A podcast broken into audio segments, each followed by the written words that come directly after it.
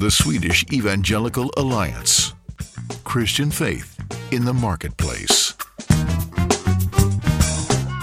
Välkommen tillbaka till podden Second Opinion som är Svenska Evangeliska Alliansens podcast. Jag heter Jakob Rudenstrand och idag har vi, eh, är vi gästade av eh, pastorn eh, och teologen Lars Gunther. Jag antar att det är ungefär så du brukar presentera dig själv. Jag vet knappt hur jag brukar presentera mig, men jag är väl kanske på nätet mest känd under min pseudonym IT-pastorn som har haft i 25 år. Okej, Så just det, det. Ja, IT-pastorn Lars Gunther, pastor i kyrkan Hästra. Just det. Vad vad kommer eh, begreppet IT- IT-pastorn ifrån egentligen? Du, du, haft det, du sa att du hade haft det i 20 år. Ja, Eller över 20 år. någonstans där i mitten på 90-talet hade jag ett seminarium på en gruppledarhelg för gruppledare i organisationen Teamevangelisation som hade rubriken Hur man evangeliserar på internet. Och eh, 90 procent av den handlar väl egentligen om att berätta för människor att det fanns något som hette internet och att det fanns något som hette webben och presentera vad webbläsare var. Det här är Netscape Navigator, den är bäst just nu bara så ni vet och så vidare. Och då fick jag smeknamnet IT-pastorn av Teaminstations grundare Åke Geresand. Och det har hängt med sedan dess. Det har hängt med sedan dess. Ja. Och sen har jag ju ett starkt IT-intresse. Jag har bitvis jobbat som lärare i datorteknik på gymnasiet, skrivit läroböcker Mm. i webbutveckling och liknande. Mm. Och, eh, så du, man kan ju säga att du har varit med sedan, sedan internets barndom. Och, Ja, åtminstone sedan internet spred sig utanför de amerikanska universiteten. Någonstans i den vevan kommer jag med. mm.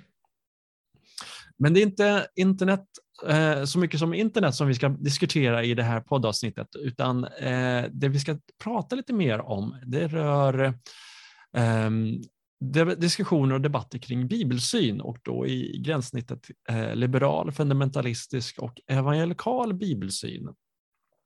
Eh, som en evangelisk allians eh, Eh, så eh, skvallrar ju vårt namn lite grann om vilken sorts bibelsyn som vi vill stå för. Och eh, i SIA så säger vi ju att vi har Lausanne-deklarationen från 1974 som vår teologiska grund och det är ju ett, ett teologiskt dokument som många andra kyrkor och samfund delar och också utgår ifrån när de ska förklara sin, sin tro. Och där står det ju bland annat att ehm, när det gäller synen på Bibeln, vi står det så här i paragraf 2.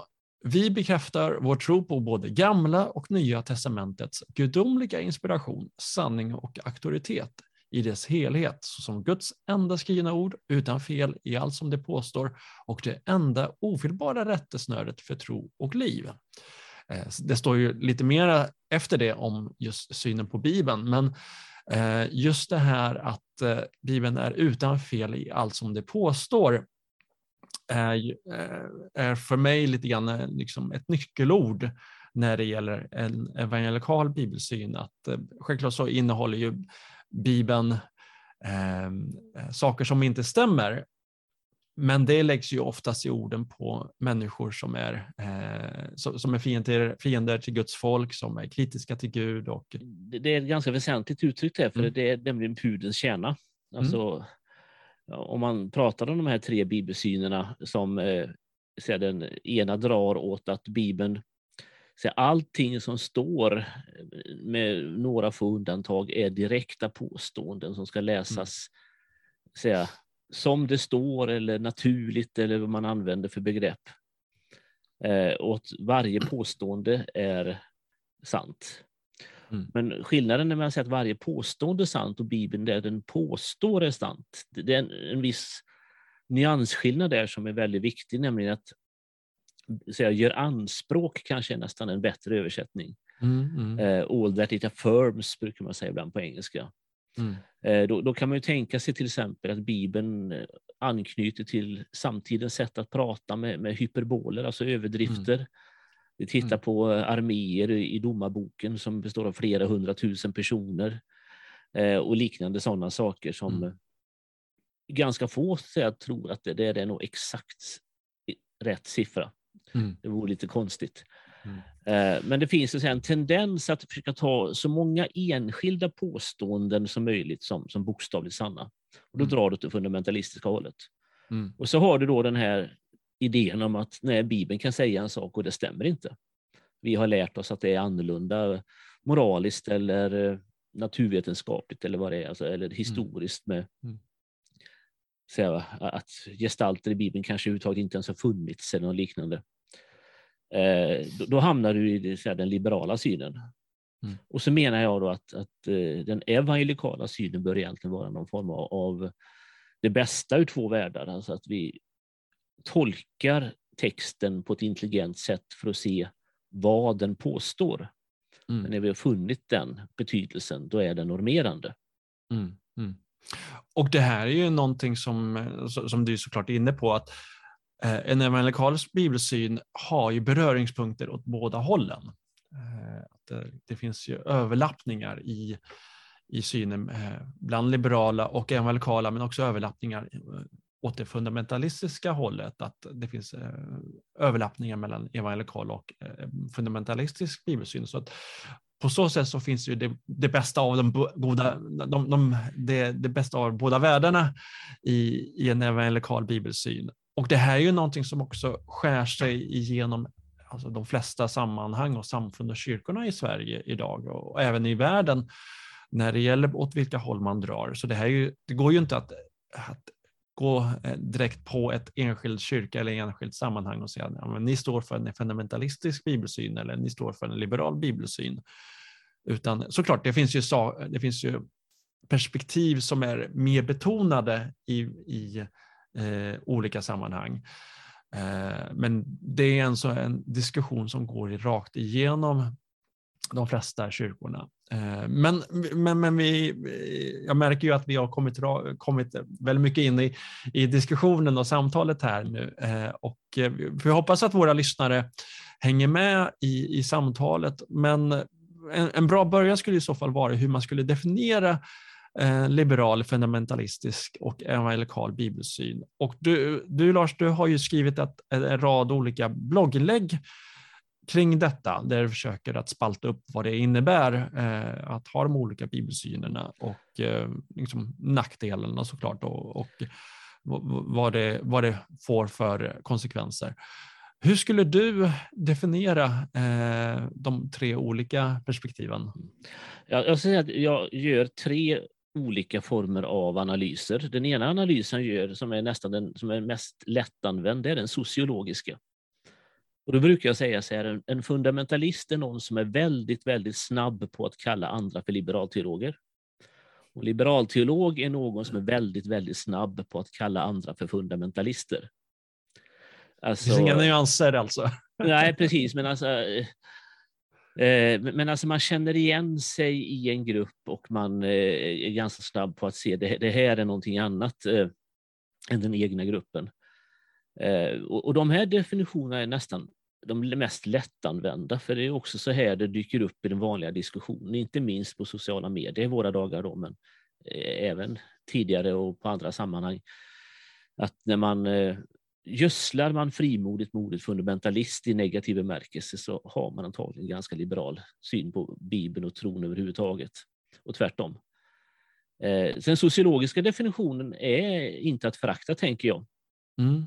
Men den historiska skulle... ja, ja, definitionen, då, den andra är, är, så att säga då, det är ju det som har, fundamentalism är det som har vuxit ur den fundamentalistiska rörelsen och eh, fram till ganska nyligen, ungefär 30 år sedan, valt att behålla det namnet som självbeteckning. Någonstans på 70-talet så började ordet fundamentalism bli ett rent negativt ord. Alltså jag ska komma ihåg att fram till dess så var ordet inte alls befläckat på samma sätt som det är idag. Nej, man, hade, man pratade i alla fall, minst i amerikansk kontext, väldigt mycket om the fundamentals, alltså de ja, grundläggande precis. satserna som, mm. som, som, troende. Men, men en, en gren inom säga, den här tidiga bibeltroende rörelsen, så som den gestaltar sig, alltså tidig utifrån kontroversen runt liberalteologins framväxt på 1800-talet. Mm. En gren blir väldigt dogmatisk och hård eh, och eh, föraktar intellektuella studium rent utav. Alltså mm. det är det man kanske hittar då Independent Fundamental Baptist Churches och liknande i USA idag. Mm. Och eh, en gren försöker bevara någon form av eh, nu är jag väldigt partisk här som du märker, då, men intellektuell redlighet och tänka sig att det faktiskt finns ett tolkningsutrymme i texterna som mm. inte handlar om att tolka bort säga, sanningsanspråket utan att bara försöka se vad, vad, exakt är det Bibeln gör anspråk på. Mm, precis, vad, vad för sorts avsikt författarna hade när de skrev de olika texterna och, och, eh, och göra rättvisa av, av, av, mm. eh, av, Bibelns texter. Vi kommer såklart komma tillbaka till det. Ja, men fortsätt. Precis. Eh, och då kommer den evangelikala rörelsen som en, en slags reaktion. Den växer fram ur fundamentalismen. Men, men tar så att säga avstånd ifrån det man menar är en överdriven dogmatisk hållning i perifera frågor, en överdriven bokstavlig tolkning när texten egentligen inte bör tolkas på det sättet. Eh, mm. Och den växer fram då på slutet av 30-talet, 40-talet och 50-talet med Billy Graham som ett samlande namn. Mm. Han var ju en, en sån person som kunde möta människor från vitt skilda eh, sammanhang i, i ögonhöjd.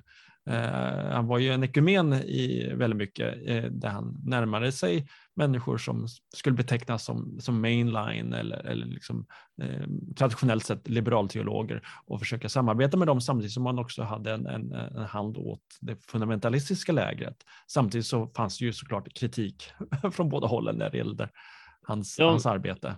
Men, men det är precis det som kanske är de första definitionerna. Så han kritiseras från ena hållet för att vara för liberal eller för mm. tolerant mot de liberala. Och från det andra hållet så kritiseras han för att vara för fundamentalistisk eller för tolerant mot fundamentalism. Då. Mm. Eh, och själv tog han väldigt sällan avstånd från någon överhuvudtaget, utan det var i princip alltid någon annan som bröt kontakten med honom. Så att eh, på det viset så, så, har han en väldigt starkt ekumeniskt anslag i det han försöker göra. Mm. Nu kan man ju säga då att det vi kallar för mainline-kyrkor, som kanske inte alla lyssnare vet vad det är, det är alltså de traditionella kristna samfunden som oftast har sina rötter före 1900-talet. Presbyterianska ja, kyrkan, anglikanska mm. kyrkan, metodistiska mm. kyrkan och så vidare. Det som är eh, de, de, stora samfunden på 40 och 50-talet. Det är mm. med mm. mainline. Men som mm. idag går kräftgång då och tappat mm. väldigt mm. mycket medlemmar. Mm. Och som idag nog inte i någon större utsträckning skulle kunna samarbeta runt Billy Graham eftersom han eh, säga, med dagens mått mätt skulle betraktas som en fundamentalism i de här kyrkorna. För där mm. har liberaltillgång blivit mycket, mycket mer utpräglad än det var på 40 50-talet. Mm. Alltså jag brukar ibland säga att då fanns det fortfarande en eftervärme inom mm. de kyrkorna av väckelsen på 1800-talet. Mm. Man hade liksom fortfarande en önskan om att se individer komma till tro och bli frälsta mm. till exempel. Det var väldigt få inom mainline-kyrkorna i USA som ifrågasatte en sådan önskan när de samarbetade med Billy Graham. Tvärtom, där hade de en samsyn. Mm. Numera så är det ju närmast en, en påtaglig brist på just detta, detta önskemål att människor Eh, ska komma till en frälsande, eh, frälsande erfarenhet av, av, Jesus Kristus. Och snarare så finns det en, en mer politisk aktivism som är utpräglad i, i, i de sammanhangen. Och det har ju oftast gjort så att eh, eh ja, som du säger, de, de, de här sammanhangen, eh, de växer inte, de går kräftgång, de finns eh, väldigt sällan bland liksom, de här växande församlingar. Utan det är snarare de som har den här klassiska betoningen på, på frälsningen och att människor behöver komma till, eh, behöver komma till frälsning. Ja, speciellt om man tittar på det här i någon form av makroperspektiv, alltså lyfter mm. blicken från enskilda exempel mm. och försöker se de, de större trenderna. Alltså det finns alltid någon eh, benådad ledare som kan säga, gå åt eh, ett framgångshåll i alla sammanhang i kraft av sin, sin lyskraft som personlighet eller eh, lyckliga omständigheter och så. Men, men över tid och, och överlag så är trenderna tydliga. Mm. Du hade mer en ytterligare definition? Ja, och den tredje den definitionen det är naturligtvis då sakinnehåll. Mm. Eh, alltså det fundamentalism står för en eh, tolkning som bygger på eh, att varje detalj i texten så långt det någonsin är möjligt ska motsvara en faktisk detalj i den yttre verkligheten. Alltså, mm, ibland så maskerar man den och säger att alltså, vi läser som det står. Mm. Men, men det blir ganska inkonsekvent i längden. Eh, ta Uppenbarelseboken, alltså du kanske tar siffrorna bokstavliga och däremellan mm, så tar du mm. beskrivningar av sju horn i pannan och liknande. Men, nej, men det är naturligtvis inga horn i pannan utan det kan vara eh, bild av en politisk sfär eller vad man nu tänker sig. Mm, mm. Så man växlar då väldigt mycket mellan det bokstavliga och det bildliga.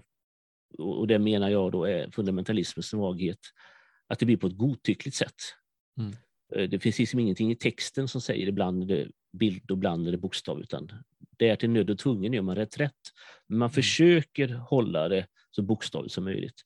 Medan liberalteologin, så säga, den kan ofta ha goda exegeter för att ta reda på vad texten betydde i sitt ursprungliga sammanhang. Men om man väl har fastslagit det så är man fri att följa det eller inte. Mm. Eh, och eh, det finns liksom kanske snarast en önskan om att ja, dra motsatt slutsats, att det här aldrig har hänt eller det här är fel. Mm. Man eh, kan ifrågasätta verkligen fundamenten då som Jesu mm. uppståndelse mm. och andra sådana saker. Eller, eller, att, ja, eller att man, man ger uttryck för att ja, men det här är någonting som eh, ursprungsläsarna, de ursprungliga läsarna trodde på. Och, men nu vet vi mycket bättre. Nu ja. vet vi att, eh, att Jesus inte uppstod fysiskt till exempel. En sån, sån grej som, som är utmärkande ja. för eh, liksom de, de kanske mest liberala teologerna, att, att Jesus uppståndelse bara handlar om en Eh, en, en, liksom en, en, känsla i, i hjärtat av att han hade uppnått en, en, en större eh, existensnivå eller, mm. eh, eller att hans, han, minnet av honom har uppstått och han, eller hans, hans verk har uppstått i, på så sätt att det får fortsätta genom oss. Medans, eh, medans en, en evangelikal bibelsyn innebär att man, man läser redogörelserna eh, för hans uppståndelse och, och eh, notera att det här är liksom en historisk eh, redogörelse som eh, vi såklart måste ställa oss inför. Om Gud finns så är han fri att uppväcka Jesus från de döda. Ja, det är precis. Eh, och det här, jag hoppas att nu lyssnarna börjar se att det finns liksom, säga, två ytterligheter. Mm. Alltså bekymret med fundamentalismen när jag kritiserar den, det är inte att den tror att Jesus har uppstått eller att eh, Jesus är född av en jungfru eller mm. att korset har en försonande verkan eh, som gör att vi kan få syndernas förlåtelse och evigt liv. Utan problemet är när man börjar slåss för detaljer i texten utan att kanske titta på vad texten har för genre eller mm. för, för ärende. Mm. Tillbaka på det, Bibeln är sann allt den påstår. Mm. Men fundamentalismens svaghet är att den kanske inte vill förhandla om men vad är det som påstås egentligen. Precis. Um, och du var ju precis inne på det, frågan om, om genre. Och det är ju en, en sån, eh, sån nyckelfråga eh, för när vi, när vi närmar oss Bibeln och eh, ehm, ska beta av just eh, eller undersöka vad är det som vad är det Bibeln säger och vad, vad är det den lär och, och det är någonting som hjälper oss väldigt mycket när vi ska sortera bland de här olika lägren så att säga. Och eh, eh en genre, de flesta vet ju vad, vad, vad, en filmgenre är och vad en bokgenre är, om det är en action, om det är komedi eller tragedi eller, eller eh, prosa. Science eller, fiction, ja. Science fiction eller ja. andra sådana här saker. Mm. Och, ehm, eh, och Bibeln är ju, det är ju 66 böcker som är skrivna i olika genrer. Eh, det finns ju histor eh, historiska redogörelser, det finns ehm, mer eh, poetiska texter, det finns ju liknelser, eh, det finns eh, brev, det finns apokalyptiska texter som ju såklart är en, en genre för, var en vanlig genre på den tiden bland olika sammanhang som till exempel Uppenbarelseboken och Daniels bok är exempel på. Och sen men de här olika genrerna de, de riskerar ju att, att läsas på, på, båda, på, på samma sätt eh, bland bland, eh, bland liberala men också fundamentalistiska eh, läsare. Att man antingen från liberalt håll att man säger att det här det, det, här, det här gäller absolut inte utan det här måste läsas bildligt, poetiskt. eller från fundamentalistiskt håll, när allting ska läsas bokstavligt som, som om det verkligen är en historisk redogörelse. Ja, precis. Alltså, jag skulle säga att här finns det då, eh, om man tittar på det här, jag pratar om den andra definitionen, den historiska, så finns det ju en 1800-talets och tidiga 1900-talets liberalteologi är ju helt fixerade vid frågan om texternas historicitet. Mm. Eh, men kommer fram till att eh, den, den, det finns så ingen koppling mer än i undantagsfall. Alltså det man kallar för en minimalistisk syn, att om det finns källor vid sidan av Bibeln som kan bekräfta det som står i Bibeln, då kan jag händelsevis tro att det är historiskt sant.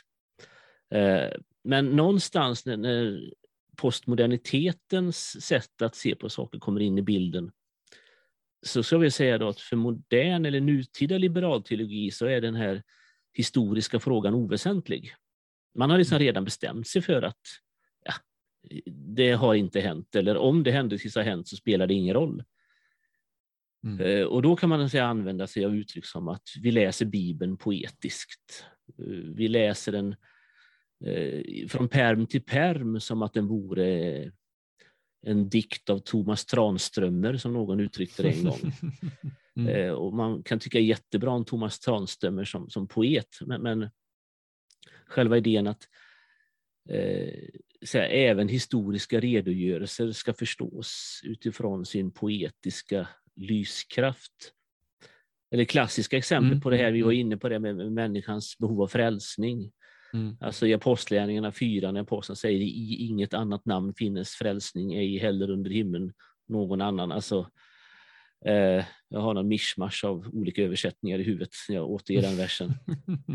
eh, men jag tror att många känner nog igen den av våra lyssnare. Ja, precis. Eh, och, och man kan då höra någon som KG Hammar säga det, att det är apostlarnas sätt att säga jag älskar min fru. Och då kan jag säga att min fru är vackrare än din fru. Ja, just det. Att det, det är det här vanliga att, eh, att det är en, ett ja. känslouttryck från deras sida. Att, ja, du är den enda frun för mig. Ja. Det var ju en, en, en domprost här i Stockholm som uttryckte något, något liknande när det gäller eh, synen eh, som han hade på andra, på andra religioner. Att nej, men Jesus är den enda vägen för mig. Ja. Den, den enda vägen för dig kanske är Mohammed eller, eller ja, Gautama Siddhartha och, och så vidare. Men, men det är ju alldeles uppenbart om man tittar i Apostlagärningarna 4 att det är inte den sortens text som det är. Mm. Alltså, och det är inte det sammanhanget, de står ju i en domstol och blir förhörda. Mm. Mm. Det är inte en, en lyrikafton på puben. Alltså det här är... Nej, precis inte. alltså, det, det, man, man, får vara väldigt inne på sin linje för att mm. Eh, ignorera det som är, mm. är kontexten i det här. Mm. Eller eh, senare i samma bok när Eh, Barnabas och, eh, och Paulus befinner sig i, jag tror det är, är det Lystra, eh, eller, när, eller till och med det klassiska exemplet när Paulus är i Aten omgiven av, av en politistisk eh, kultur eh, där människor tror på en mängd olika gudar. Och då predikar de att Jesus är Eh, är den enda vägen, att han är, att eh, Gud är den enda guden och, och så vidare. Nej, och, och det brukar ibland sägas att eh, liberalteologerna kan vara väldigt bra på att identifiera var Paulus börjar sitt tal, Pauropagen, hur han anknyter mm. till deras altare, till den okände guden. Och de mm. är ofta väldigt bra på att gräva upp de historiska detaljerna och runt omkring det här. Mm. Men de blir ganska så konstiga mot slutet när han säger nu ålägger han alla människor att omvända sig. Mm. Alltså, eh, det börjar bra och slutar sämre. Mm. Eh, men fundamentalismen kanske i vissa lägen då har varit lite försiktiga i överkant med att se att det finns anknytningar mm. mellan kristen tro och annan tro som kan vara en utgångspunkt och en startpunkt för sådana här diskussioner. Mm. Ja, det är de här frågorna eh, som, som rör bakgrundskunskap, kultur och så vidare och geografi och, och språk som är ju eh, väsentliga verktyg för att kunna förstå eh, Bibelns texter. Självklart eh, i de grundläggande frågorna om, om vem Gud är och, att, och om vem Jesus är och, och att Jesus har uppstått så så krävs det ju inte mycket mer än att, än att, än att ha läs, ehm, ehm, läs, läsmöjligheter. Och, Eh, men för att förstå liksom de omkringliggande detaljerna och så, eh, och inte minst när det gäller breven och eh, genrerna och så vidare, så finns det ju ett visst behov av de här kontextuella kunskaperna som, eh, som, som du nämner att många bland det liberalteologiska eh, lägret är duktiga på, fast när det gäller tillämpningen och vad det egentligen eh, innebär universellt är man mer sämre på det. Ja, precis. Nej, men jag, jag tänker att här, här, är ju den historiska förståelsen ganska så god att ha. Alltså, om man går tillbaka mm. till det sena 1800-talet och det tidiga 1900-talet så finns det ingen som använder sig av den sortens bakgrundskunskap för att ge texten ett fullödigare budskap, utan man ser det som att ja, skapelsemyterna är plagiat av babyloniska myter eller mm. eh, andra sådana saker. Att det är legender som har vuxit in i Bibeln eh, om man jämför med, med andra grekiska legender kanske som dykt mm. upp eh, när det gäller Nya Testamentet. Då.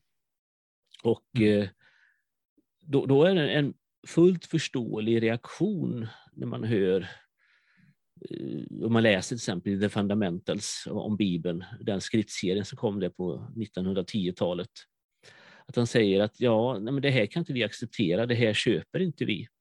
Mm. Eh, men det finns ändå i de skrifterna öppningar som säger att om man i framtiden hittar ett sätt att använda den här sortens kunskaper i kombination med tilltro till Bibeln, då finns det ett annat läge.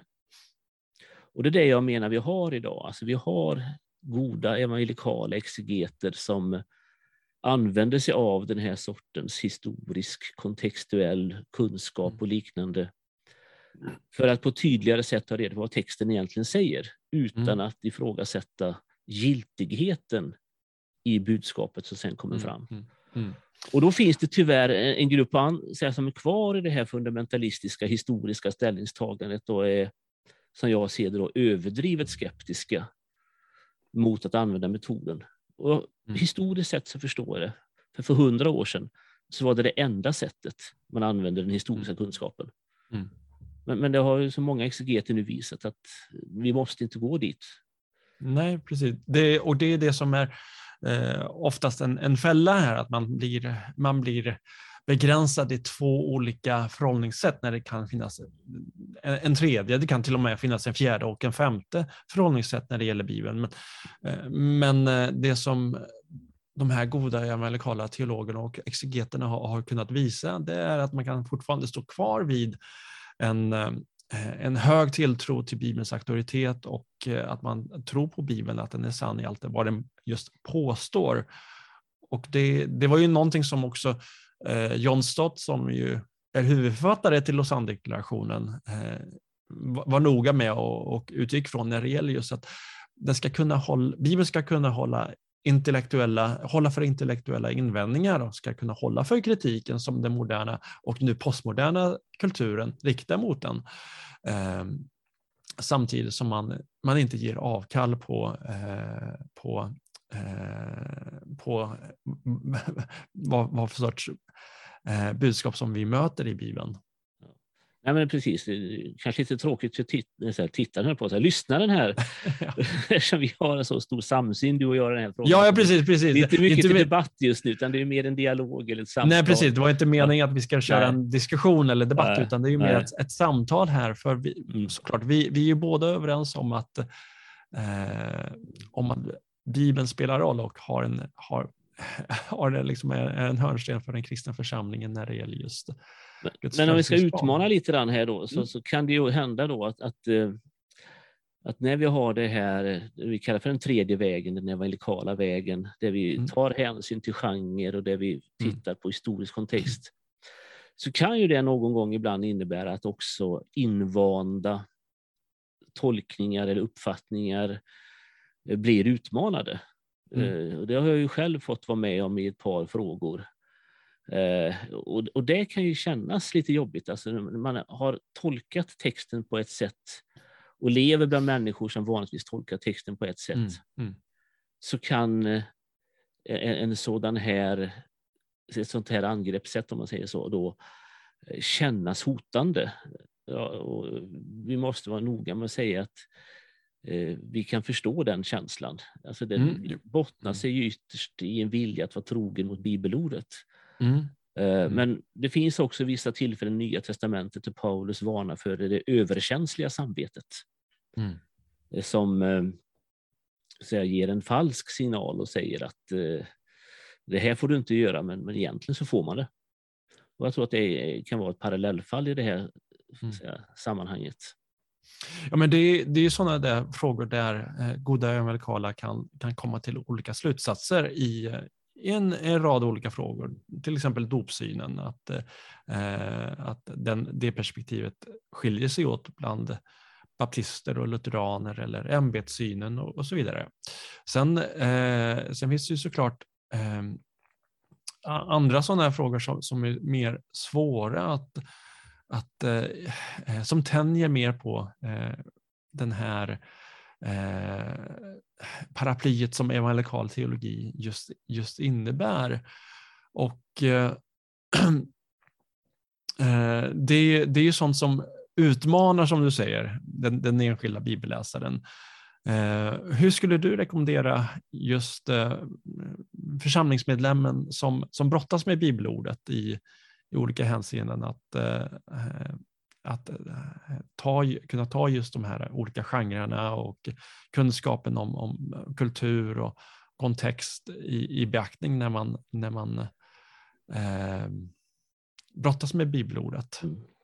Jag skulle försöka vägleda dem till att göra några distinktioner. Alltså den första distinktionen är mellan att läsa Bibeln till andakt och att studera bibelordet för att se vad är dess lära och dess etik.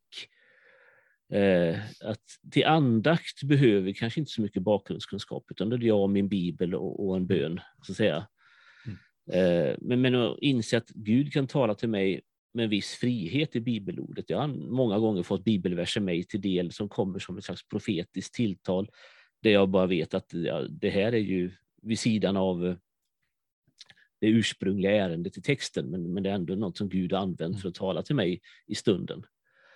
Eh, och, och, det är helt okej. Okay. Det viktiga är att man inte tar de här tilltalen och börjar göra ett mönster eller en lära av dem. Men alltså, det är när vi börjar studera bibelordet som vi behöver ha hjälp.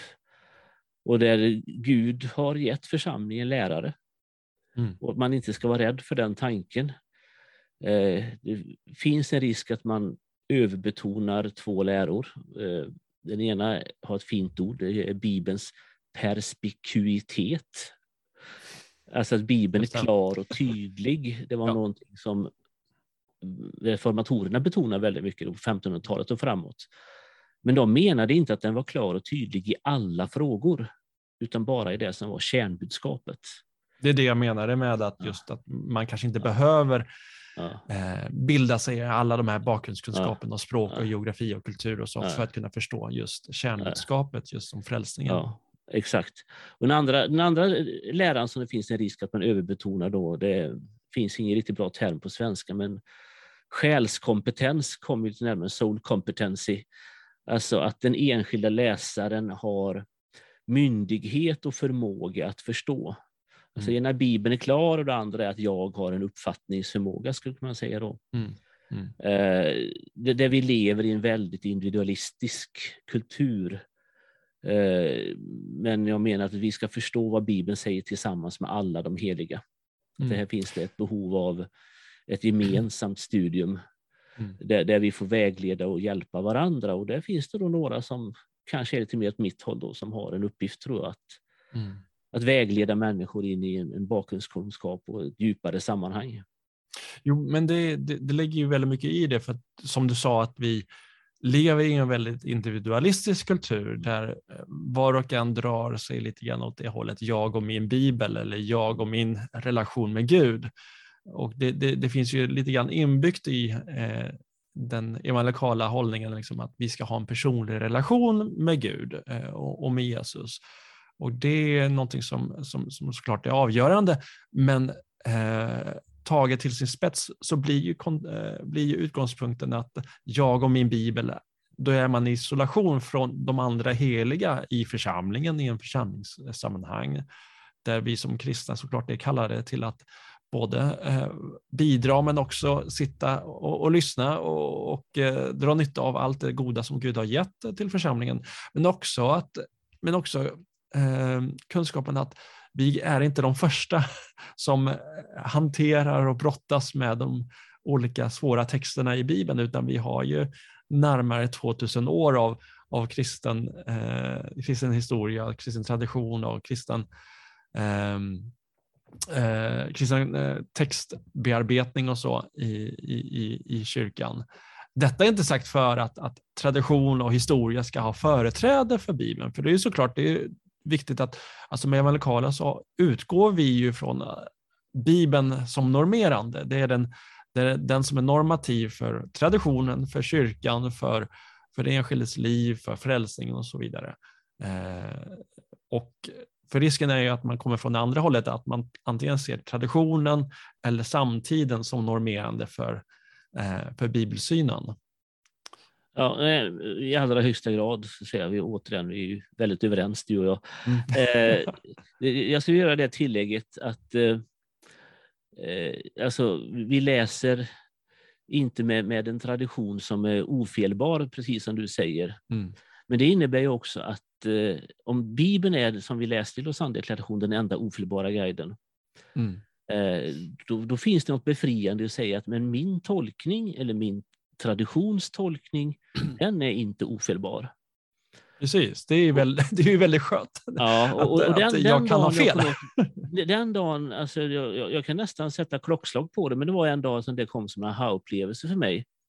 Där jag kände att jag hade ägnat väldigt mycket kraft åt, jag trodde att jag försvarade Bibelns sanning, men jag inser mm. att jag egentligen försvarade hävdvunna tolkningar i min traditions sanning på sätt som gjorde att jag själv stagnerade i min eh, andliga och teologiska utveckling för att allting var ju redan fastslaget och, och, nya tankar kändes lite skrämmande. Men den dagen jag kom fram till att, att ifrågasätta en invand tolkning är inte detsamma som att ifrågasätta bibelordets sanning. Mm. Det var en ganska befriande upplevelse för mig och det har gjort att bibelläsandet blivit mycket, mycket mer spännande och det har gjort att jag ibland tänker om eh, och, och drar nya slutsatser och nya insikter. Och det tycker jag är någonting som har utvecklat mm. min gudsrelation och min förkunnargärning och eh, framförallt då så mitt bibelläsande. Så mm. jag är väldigt glad att jag en gång i tiden började göra den distinktionen. Mm. Eh, och också, men då, gå tillbaka lite grann om det här med fundamentalism och liberal teologi. Så kan mm. jag säga ett drag hos som gör den historiska säga, andra definitionen, alltså den fundamentalistiska rörelsen. Ett drag av den är att den gör ett antal tolkningar och säger om du inte är överens med mig om de här tolkningarna, då är du liberalteolog. Och det blir i fundamentalismen en ganska lång lista Mm. Eh, jag brukar ibland ta exemplet, alltså det finns en liten obskyr detalj i kristologin hos en amerikansk förkunnare, John MacArthur. Just det. Just det. Eh, som jag knappt kommer ihåg vad det var och kan redogöra för. Men, men den här lilla, lilla detaljen i kristologin gjorde att han kastades ut ur organisationen som heter International eh, Fundamentalist Churches of America, IFCA. Han och fick inte vara med längre. Och numera så, så brukar han ju betraktas som väldigt eh, eh, eh, sträng och väldigt, väldigt tydlig med, med, med sina övertygelser. Många ja, skulle nog betrakta honom som fundamentalist. Ja. Nej, men alltså jag skulle säga att John MacArthur är ett typexempel på en fundamentalism. Men, men, men ett, en av de stora poängerna med att studera fundamentalismens historia är att man ser att de blir ofta väldigt osams om den här sortens detaljer. Mm, mm. Och då kan man inte längre ha gemenskap med varandra. Mm. Alltså det här exemplet är ju så otroligt märkligt eftersom det är en sån liten detalj i, i frågan om kristologin som, mm. På en fråga som gemene man aldrig någonsin har resonerat kring eller tänkt på. Eh, men därför blir det också en väldigt bra illustration om vart fundamentalismen ofta hamnar. Mm. Eh, kyrkor som säger att alla som anställs som pastorer här ska ha en specifik syn på vedermödan och uppryckelsen. Ja, mm. Eh, är väl ett klassiskt exempel annars. Men det kan även finnas andra sådana frågor där det, så att säga, det, det, blir så detaljerat i vad som är den fastslagna tolkningen. Mm, mm. Och ifrågasätter man den så menar man då att du ifrågasätter hela Bibeln. Mm. Och det tycker jag är sorgligt, när det ja. blir så stelbent.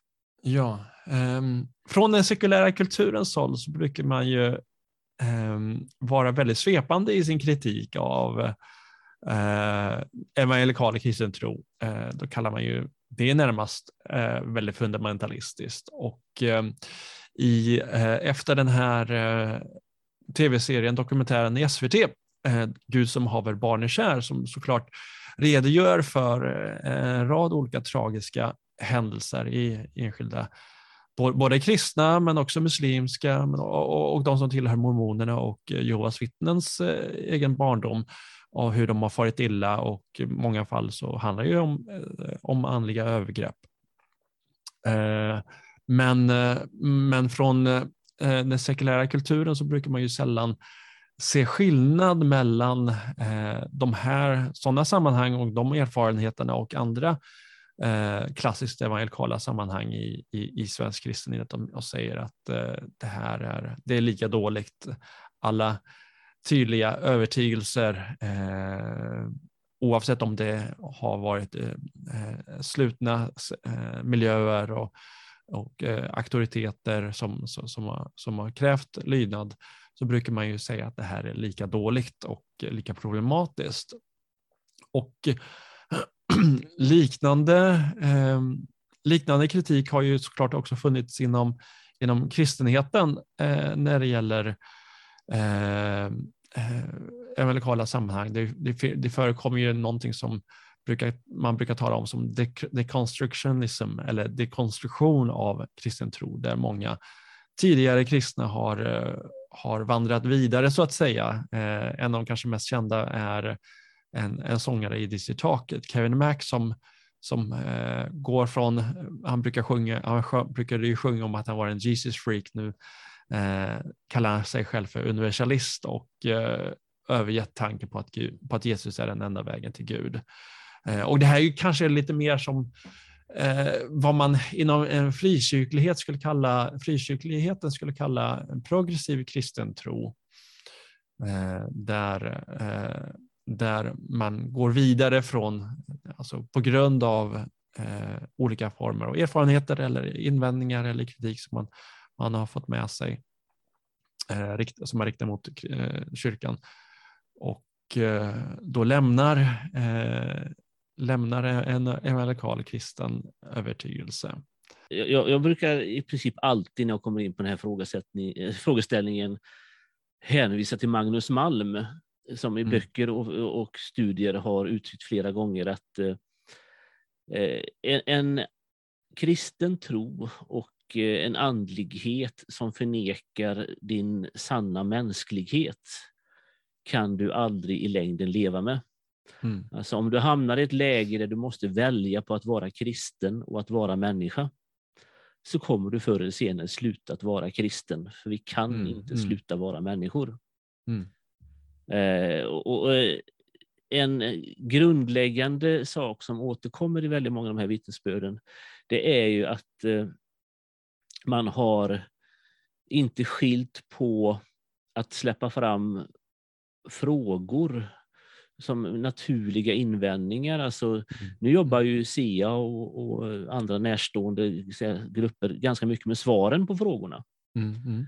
Eh, och då kan det kanske ibland verka som att inte vi vill ha frågor. Nej, precis. Men... precis att vi säger hela tiden, men ditt svar på den här frågan eh, är det här, så jag behöver inte lista så mycket mer på dina Nej, eh, och, och, det är en helt annan sak att säga, skriva en bok om apologetik och att föra ett samtal mm, ja, med en, en, sökande och tvekande tonåring. Mm. Eh, säga, det där, det, den så pastorala hållningen måste ju vara mm. att en, en, del saker får ta den tid som krävs. Mm. Mm. Eh, ja, vi, vi, har en, en, fantastisk situation i vår församling. Vi börjar se att tonåringar kommer till tro. Mm. Och någon gång ibland så har jag nästan känt att jag behöver bromsa lite här för att veta att, mm. att det bottnar i dem. Mm. Mm. Att eh, det finns, det finns en, både så att säga, känsla och reflektion. Mm. Eh, och inte bara att man sveps med i en positiv visserligen, men ändå i en rörelse. Mm. Eh, och, släpp fram varenda fråga som finns. Vi hade frågestund på vår tonårsgrupp för en månad sedan. Alla mm. tonåringar mm. fick skriva alla frågor mellan himmel och jord. Och det, mm. Frågar man mig så handlar det mycket om tolken och annat och frågar man min ungdomsledare blir det mycket fotboll. Eh, alltså men, men, men, Sagan om ringen till dig eller? ja, precis. Liksom, hade okay. Balrogen vingar och andra sådana intressanta okay. saker. Men äh, vet det, där vi sa liksom att fråga ju så mycket ni bara någonsin kan. Och vi mm. kommer, alltså det här mm. angreppssättet som man har i, inom alfa, liksom, att det finns inga mm. dumma frågor. Mm. Alltså, jag tror att det är, är jätteviktigt att man kombinerar så att säga, den här själavårdande hållningen mm. med att man ger svar. Det här är vad vi mm. står för, det här är vad vi förkunnar. Och där den ena sidan så säga, sätter en ära i att ha svar kan den andra sidan sätta en ära i att släppa fram frågor. Men jag tror att det blir sunt om vi kombinerar båda. Mm, mm. Om vi inte ger vägledning utan bara har frågor så mm. kommer till slut inte ledarna vart. Nej, precis. Och det är både ett underbetyg i de sammanhangen som, som inte ger några konkreta svar på, utan låter eh, den kristna tron bara vara ett, ett, stort frågetecken och mysterium och att man inte kommer någon vart och inte ger eh, liksom, vägledning. Och i de sammanhangen som, som bara kommer med, kommer med svar och inte öppnar upp för frågor och inte tillåter människor att, att, att tvivla och att eh, komma med invändningar och tar varje fråga på, på, på allvar. Eh, och det är ju det, är det som också skapar den här, tror jag många, i många fall, eh, en oro hos människor. Eh, måste jag, jag måste förneka hela min, min mänsklighet för att kunna vara kristen. Eh, för, för, som du, för, för, som vi vet så var ju Jesus fullt, fullkomlig människa och fullkomlig Gud och han höll ihop dessa på ett, eh, dessa eh, storheter på, på, liksom ett, eh, på ett naturligt, för honom naturligt sätt såklart, för oss är det övernaturligt, men, men han var ju full av nåd och sanning i allt som han, eh, allt som han var, att han både höll ihop det, nådeperspektivet och sanningsperspektivet som eh, ingen eh, församling får eh, får vackla på, så att säga, för att, kunna, för att se människor komma till en, en mogen tro. Och det är såklart det är väldigt klokt från din sida att, att, äh, att hjälpa de här ungdomarna att, att äh, bottna i den tro så att de inte bara sveps med av känslor för att i så fall kan ju känslor svepa bort dem.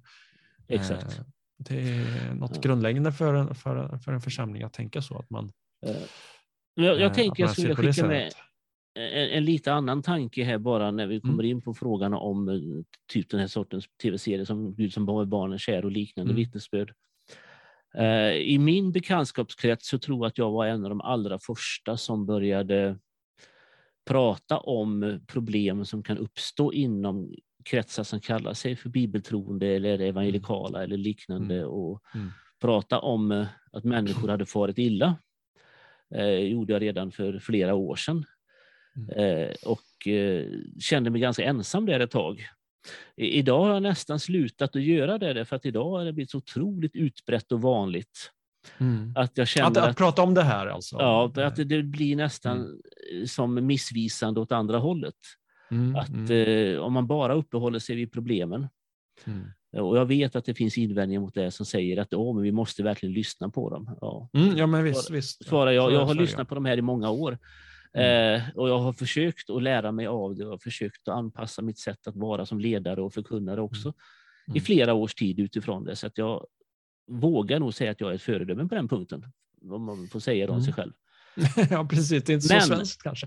Men ja, precis. Det, är lite osvenskt kanske. Man känner, man känner sig själv bäst kanske. Ja, men jag tänker ändå att vi, vi har nu hamnat i ett läge där vi behöver också tänka lite som Hans Rosling. Mm, mm. Alltså en, en av Hans Roslings poänger är att vi fäster vår uppmärksamhet på enskilda exempel, speciellt om det upprepas i enskilda exempel, Mm. eh, som gör att vi ibland då kan missa de stora trenderna. Alltså hans favoritexempel har ju att göra med fattigdom och liknande sådana saker. Att Mm. eh, vi ser i nyheterna exempel på människor som är fattiga och svälter och katastrofer av olika slag. Så att vi inte förstår att det är färre som svälter idag än som svälte för 20 år sedan, 40 år sedan, Mm. 80 år sedan. Så att, säga, va? att andelen svältande och antalet svältande i världen har minskat. Mm. För det blir inga nyheter. Mm. Och jag tänker att alltså den här factfulness approachen, alltså att om vi tittar på hur ser en eh, teologi ut och hur ser andlighet ut, hur ser en kristen gemenskap ut som ett stöd och hjälp och inte bara eh, titta på de enskilda exemplen. Utan vi tittar på de övergripande sociologiska, psykologiska och så vidare undersökningarna. Mm. Eh, så får vi en delvis annorlunda bild. Mm. Mm. Det- Det är eh, en, en tro som är sådan som du och jag försöker skapa och, och förmera, så säga, det vi kallar för en sund evangelikal Mm. tro, Mm. är enligt undersökningar en tillgång i livet. Alltså det, det finns gott om, om undersökningar som visar att man är mer nöjd med sina äktenskap, man är mer nöjd med sitt sexliv, man är mer nöjd med, med sina liv i allmänhet och sina relationer och så vidare i genomsnitt än man är Mm. Mm. både i sekulära sammanhang men också i de här mer rigida fundamentalistiska Mm. miljöerna. Mm. Där, där tron inte alltid är en hjälp utan det finns också undersökningar som visar att när tron blir för stelbent Mm. och för rigid så slutar Mm. den vara en tillgång och blir ett problem. Mm. Det finns så att säga, övergripande undersökningar som visar inte bara Mm. enskilda exempel. Och det är ju så väldigt viktigt att, att ha den här stora bilden på att även sammanhang förändras över lång tid. Det har ju förekommit i, i, i nyheterna och i sociala medier frekvent kritik till exempel av, av, eh, av, av Livets Ord eh, och eh, andra karismatiska församlingar som, som svepande brukar kallas sekter och, och eh, på grund av liksom en, en fördomsfull bild som man ofta har. Men då har man ju inte med sig att, att många av de här sammanhangen har ju förändrats eh, faktiskt till det bättre, skulle man kunna säga. Eh, från att, att eh, beskrivas mer som eh, mer eh, med problematiska innehåll i, i sin ungdom till att bli mycket öppnare och bättre sammanhang eh, under senare tid. Eh, så Oh att mycket av den här problembilden som brukar kastas på, eh, på kristna sammanhang från inte minst sekulära medier bygger ju oftast på bilder som inte har uppdaterats sedan, sedan 20, 30, eh, till och med 40 år tillbaka. Och det är också en, en, en gång för att, eh, för att eh, alludera till Hans Rosling, det är inte liksom faktabaserat eh, bild av, av verkligheten. Nej, exakt. Jag brukar ibland säga när folk kommer till mig och säger jag är rädd för att det ska bli som på Livets Ord. Precis. Det är ibland, jag, jag, jag undervisar väldigt mycket om andens gåvor, karismatiska Mm, mm. upplevelser och helande. Mm. Det är liksom det som är mitt huvudsakliga område egentligen. Mm, Och jag är ju mm. ute i olika sammanhang och, och får tala över det ämnet lite nu och då. Och då händer ibland att man möter det här, vi vill inte ha det som på Livets Ord. Eh, och vad menar du med det då, säger jag. Och, så är det oftast en ganska diffus bild av det hela. Mm. Som kanske inte är uppdaterade till, Nej. eh, till 2022.